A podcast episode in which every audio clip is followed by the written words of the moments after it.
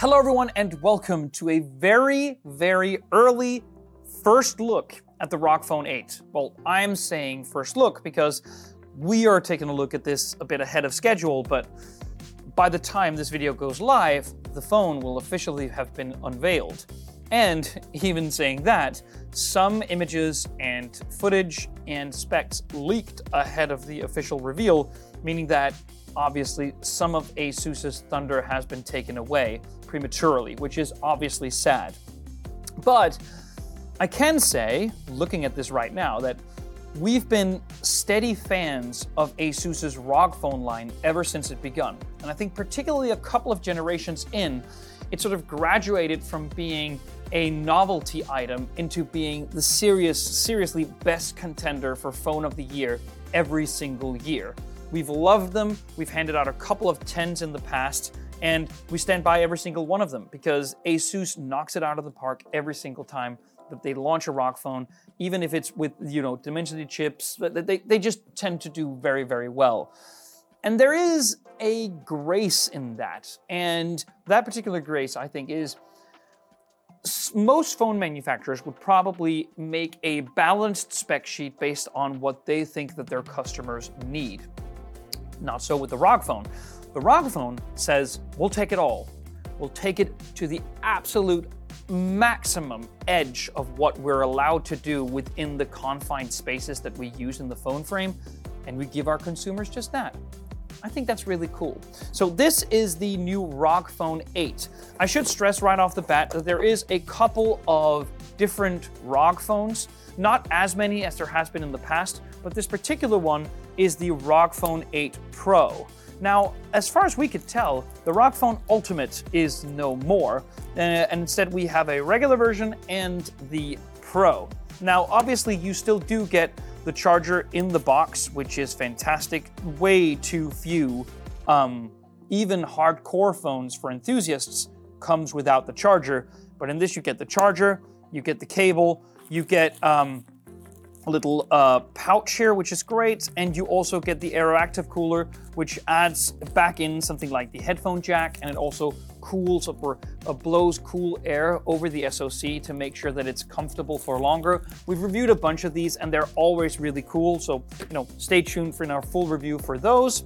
And then we obviously, well, we have the phone itself resting here in its little pocket. So, as you're probably able to tell, um, there are some design changes, the way that the camera module is uh, is set here, and just the entire back panel is, I think, a bit more mature and obviously a little bit more tasteful. You can still see the ROG phone DNA, and it's a beautiful phone, if you ask me.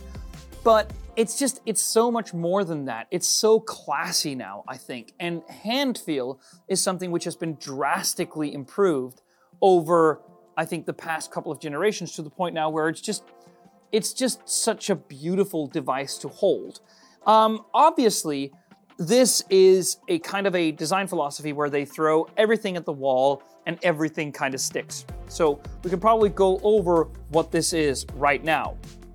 Um, this particular one, it's not on right now, and we're afraid to turn it on because we're meeting this at a hands-on embargo, not a review embargo, so I'm going to be very careful with what I say.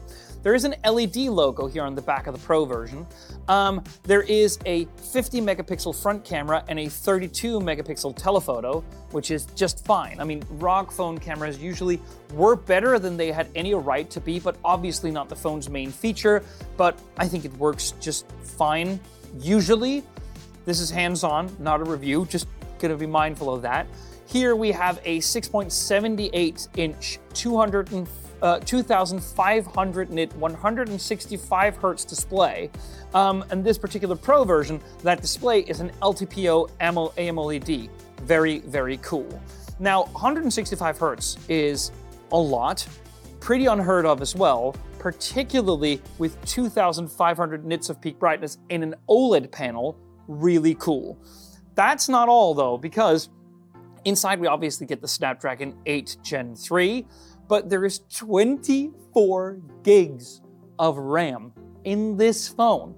meaning that we're getting to the point where it's probably going to be a better sort of video editing machine or photo editing machine or, or like a machine to get like serious work done than most laptops that you're going to see. 24 gigs of RAM is just insanity. And beyond that, it obviously supports uh, Wi-Fi 7 when it gets rolled out and is ready. It has Bluetooth 5.3. This particular model has a terabyte of storage, which obviously isn't that new, but still cool to see. I mean, still a terabyte of storage, 24 gigs of RAM, newest Snapdragon SoC. Uh, this screen, it's just a whole deluge of awesome things. Now, the one thing that we're curious about to get into is that the battery apparently is smaller, 5500 milliamp hours rather than 6000. So what is the reason for this? Well, it might be that the Snapdragon 8 Gen 3 simply sips power compared to its older siblings, so maybe it just doesn't need that big of a battery. It could also be that we'll find a headphone jack here now rather than in the Aeroactive cooler, whereas in previous generations, even as we climbed the scale, we would lose the headphone jack. Maybe it needs that extra room. It's unclear, and we're going to test it fully come review embargo. But for now, what I can say is that I'm just so happy that ASUS continues to do this. Rumor has it that the Zenfone line is in danger, but I want for like for, for, for everyone, the ROG Phone line needs to continue because it's just such an it has such an aura of techie inspiration around it. Uh, so hopefully this does well. I want it to do well. Thank you so much for watching. See you on the next one.